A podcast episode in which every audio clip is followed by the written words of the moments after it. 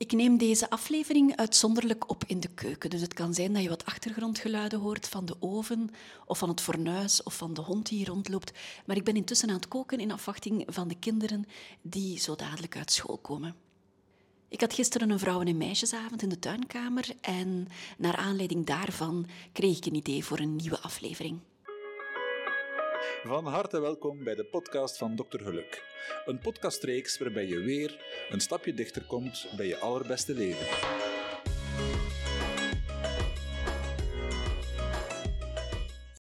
Welkom terug bij de podcast van Dr. Geluk, waar je ook zit, waar je ook ligt en als je onderweg bent, hou het dan veilig. Ik had gisteravond een vrouwen- en meisjesavond in de tuinkamer. Ik denk dat het zowat de 37ste of 38ste vrouwen- en meisjesavond was. En elke keer is die anders. Ik zeg dat ook altijd bij het begin. Er is altijd een nieuwe constellatie van vrouwen, nieuwe gezichten, um, oude bekenden, jonge vrouwen, minder jonge vrouwen. Altijd een nieuwe samenstelling. En ik weet ook nooit zelf hoe de avond zich zal ontvouwen. Hè. Die is elke keer weer anders.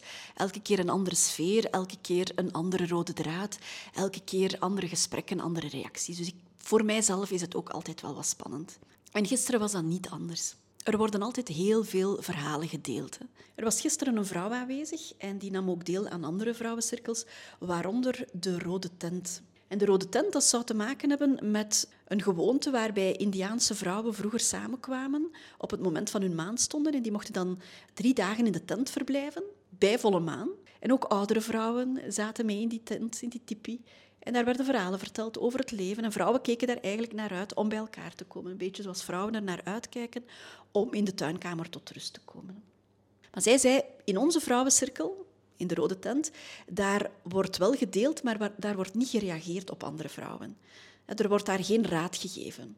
Nu, dat is een beetje anders bij mij in de tuinkamer, want bij mij is er wel interactie. Dus iemand vertelt iets, maar ik vind het heel waardevol en ik heb dat ook al gehoord van andere vrouwen die dat ook waardevol vinden, dat er wordt gereageerd en dat er wel uh, tips en raad worden gegeven. En niet alleen vanuit mijn ervaring als, als coach of als huisarts of als, als vrouw van 50 met enige levenservaring, maar ook door andere vrouwen die ooit in dat stadium van hun leven gezeten hebben, die door een of ander boek geholpen zijn, door een of andere persoon, door iets wat ze gelezen hebben, door iets wat ze gezien hebben, door iets wat ze gehoord hebben bij anderen, door iets wat ze zelf meegemaakt hebben. En ik vind het juist waardevol om dat te delen met elkaar. Want elk een van ons zit altijd in een andere fase van ons leven. Hè? Mensen zitten midden in een scheiding. Er zijn andere vrouwen die die scheiding al heel lang achter de rug hebben. Er zijn vrouwen die er aan denken om te scheiden, bijvoorbeeld. Hè? Om maar te zeggen, dat is één voorbeeld van iets wat je kan meemaken in je leven en waar je op het moment dat je er middenin zit, het heel moeilijk hebt. Maar als je erop terugblikt, ja, dan heb je het toch maar allemaal gedaan en dan heb je het allemaal toch maar doorgemaakt. Ik vind het net waardevol dat we wel kunnen delen. Dat we wel kunnen uh, reflecteren op iets wat verteld werd. Dat we wel kunnen aanvullen vanuit onze eigen ervaring, vanuit onze eigen hulpbronnen, uh, van onze eigen uh, geschiedenis, uit onze eigen, vanuit onze eigen rugzak.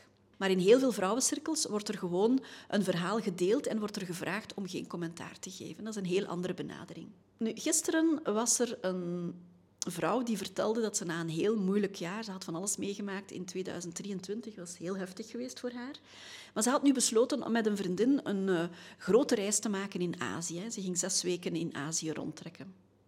En een andere vrouw, die ook een heel grote rugzak had, die nog heel veel pijn, nog heel veel verdriet met zich meedroeg, die zuchtte en die zei, kijk, als ik haar dan zo bezig hoor, dat is iets wat ik ook uh, zou willen doen, een grote reis maken. En ik pikte daarop in en ik vroeg haar hoe zou het zijn om te zeggen, ik ga dat ooit doen. Niet, ik zou dat ook wel eens willen doen, hè, want daar komt altijd een maar achter. Ik zou dat wel willen doen, maar. Ik zou moeten stoppen met roken, maar. Ik zou moeten wat meer tijd nemen voor mezelf, maar. Ik zou zelf ook eens alleen op reis willen, maar. En altijd volgen er dan argumenten die je meestal ook jezelf oplegt. En als je er dieper zou op ingaan, dan weet je van, eigenlijk is daar wel een oplossing voor. Ik zou dat kunnen doen, maar ik doe het niet, om die en om die reden. Maar je hersenen geloven wat je zegt. Ik zei dat ook tegen haar. Hoe zou het zijn als je zegt van, ik ga op een dag ook zo'n reis maken? Dan ga je eigenlijk je hersenen al aansturen om je ogen en je oren open te houden voor een kans die zich eventueel aandient, om al een plan te maken, om al geld opzij te zetten misschien, om al voorbereidingen te treffen. En het is wetenschappelijk bewezen dat terwijl je met een droom bezig bent, ook al is dat maar met kleine stapjes, terwijl je die droom aan het plannen bent, terwijl je dat aan het organiseren bent, terwijl je daarover aan het fantaseren bent, ga je eigenlijk al gelukshormonen aanmaken en ga je je eigenlijk al een stuk beter voelen. Dus ik heb die vrouw aangeraden van, kijk, begin met kleine stapjes. Hè. Kijk al eens in een reisbrochure, zoek al eens op op internet. Ja, maar dat gaat toch niet voor de eerste drie jaar zijn. Ja, maakt niet uit.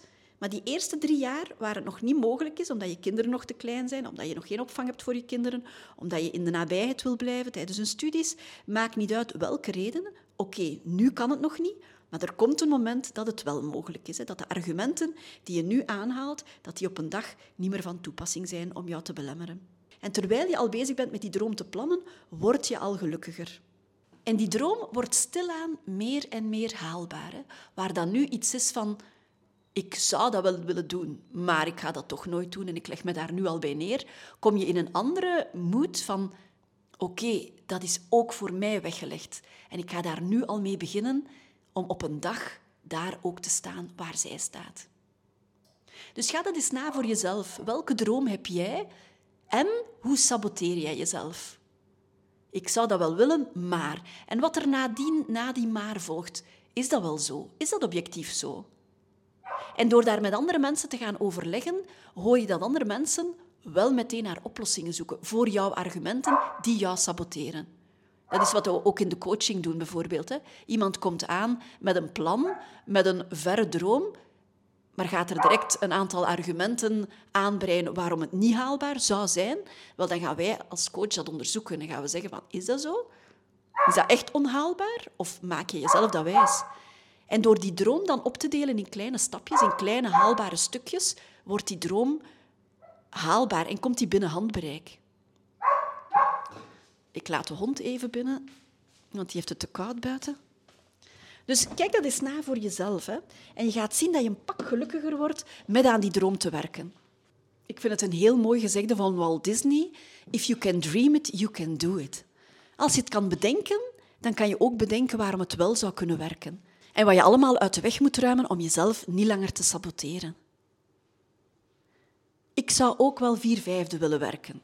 Oké, dus ergens zit er een verlangen dat je vier vijfde wilt werken. Maar ga dan eens na wat er na die maar komt. Ik zou wel vier vijfde willen werken, maar dan heb ik minder geld. Oké, dat is waar. Tuurlijk, hè, je zal minder verdienen. Maar ga dat dan eens verder onderzoeken. Heb je dat geld nodig? En kan je het ook met minder doen? Wat kan je laten? Misschien kan je één auto wegdoen. Misschien kan je in plaats van elke maand naar de kapper te gaan, om de twee maanden maar naar de kapper te gaan. Ik zeg maar zoiets. Hè. Ik bedenk nu voor jou iets, maar eigenlijk weet je zelf veel beter wat jouw mogelijkheden zijn. En misschien zit je al jaren in zo'n patroon vast. Hè. Vier vijfde werken, ja, dan moet je het met minder doen. Misschien is dat een aanname die je al jaren hebt en heb je dat van thuis uit meegekregen, van een vrouw moet voltijds werken of een man moet voltijds werken, want moet zijn gezin kunnen onderhouden. Er zijn zo van die ideeën of van die stellingen die je al jaren met je meedraagt, omdat je die gehoord hebt op school of van vrienden of van je partner of van je ouders. Maar kijk dat eens na of dat wel klopt. Want iets dat voor iemand anders klopt, klopt misschien niet voor jou. Want jij hebt andere ervaringen, jij hebt andere wensen, andere verlangens, andere normen, andere prioriteiten. En ga eens dieper in op jouw verlangens. Wat ik dan doe, ik heb elke dag maar ik heb een dagboek. Hè. Ik heb een, uh, een boek waar ik s morgens mijn intenties in schrijf en waar ik ook noteer waarvoor ik dankbaar ben, de dingen waarvoor ik dankbaar ben. Um, en elke dag vraag ik mij af, stel dat dit de laatste dag van mijn leven zou zijn ben ik blij met het leven dat ik nu leid? En wat zou ik willen veranderen? Nu, dat is al bij mij een automatisme geworden. Ik doe dat nu al een, een, een paar jaar. Maar ik weet, als ik morgen niet wakker word, dan ben ik blij met het leven dat ik leid. Dan zijn er geen grote veranderingen uh, nodig om mij gelukkiger te maken. Hè? En natuurlijk zijn er schoonheidsfoutjes op mijn parcours. En natuurlijk zijn er dingen die vandaag niet perfect zullen lopen. Hè? Of die gisteren niet perfect verlopen zullen zijn. Maar de grote lijnen, die stroken met mijn verlangens, met mijn dromen. Hè? Mijn dromen ben ik waar aan het maken, stapje voor stapje. En misschien zijn die, uh, zullen die nooit uitkomen, maar het werken eraan, het er naar uitkijken, uh, stapje voor stapje die droom haalbaar maken, dat maakt mij eigenlijk al gelukkig. Dus kijk eens na voor jezelf. Hoe zou het zijn als je niet lang meer te leven hebt? Zou je nog altijd de job doen die je nu doet? Of ligt die job jou helemaal niet? Zit je goed waar je zit? Zit je goed in het huis waar je zit? Zit je goed in de relatie waar je zit? Heb je mensen rond jou die jou steunen, die, jou, um, die, jou, die voor jou supporteren? Of omring jij je met mensen die jou naar beneden halen, die jou kleiner maken, die jou niet steunen in, in, in jouw dromen en jouw verlangens? Wat als je niet meer lang te leven zou hebben? Hè? Dan, dan komt de essentie naar boven. Dan valt alle ballast weg en dan komt er naar boven wat echt belangrijk is. Hè? Ik zeg altijd, tijd is alles, liefde is alles. Als je niet lang meer te leven hebt, dan zijn dat de twee dingen die het allerbelangrijkste zijn. Wat doe ik nog met mijn tijd die mij rest? En wat doe ik met de liefde die ik te geven heb of de liefde die ik zou willen krijgen? Dus ik hoop dat die vrouw, die gisteren nog dacht dat een verre reis voor haar niet weggelegd is of nooit weggelegd zou zijn, ik hoop dat die daar vandaag een ander idee over heeft en dat die vandaag denkt: oké, wat daar gisteren gezegd is en wat daar ook beaamd is door andere vrouwen, hè, niet alleen door mij. Maar ik hoop dat ze daar vandaag mee aan de slag gaat. En als ze in bed ligt, dat ze misschien blij wordt van het idee van op een dag ga ik misschien ook met mijn rugzak rondtrekken in Azië. En iemand opperde, ja, misschien hoef je het meteen niet zo ver te zoeken. Ga eens alleen op reis, ga eens een paar dagen naar zee. Misschien is dat al heel fijn voor jou. En dat bedoel ik met die droom haalbaar te maken. Hè? Waarom moet je iets heel groot maken en het ver in de toekomst wegzetten? Kan je het niet al een beetje kleiner maken, haalbaarder maken, dichter naar je toe brengen, dichter in de tijd naar jou toe brengen en op korte termijn al plannen? Voilà, een korte episode voor vandaag. Ik ga de kinderen afhalen, we gaan samen eten en nadien doe ik mijn middagdutje. Een middagdutje van 20 minuutjes, 25 minuutjes. Het is eigenlijk geen diepe slaap. Ik sorry dat ik niet in een diepe slaap kom, maar ik, ehm, ik vind het heel verkwikkend om mijn ogen dicht te doen en ergens zo, ja, waar ik werkte, dan noemden me dat zuilen.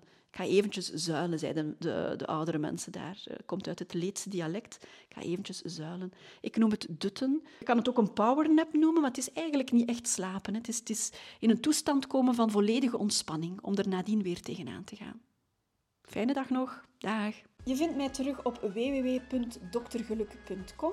Ik heb een Instagram-pagina onder Dokter Geluk, ook een Facebook-pagina onder eh, Dokter Geluk. Laat mij weten wat je ervan vindt. Geef mij tips voor nieuwe afleveringen en abonneer je als je geen enkele aflevering wil missen. Weet dat jij aan het stuur staat van jouw leven, dat jij de kapitein bent van jouw leven. Jij weet je waarden en je normen. Jij kan kiezen wat jou gelukkig maakt. Hou je goed en tot de volgende keer.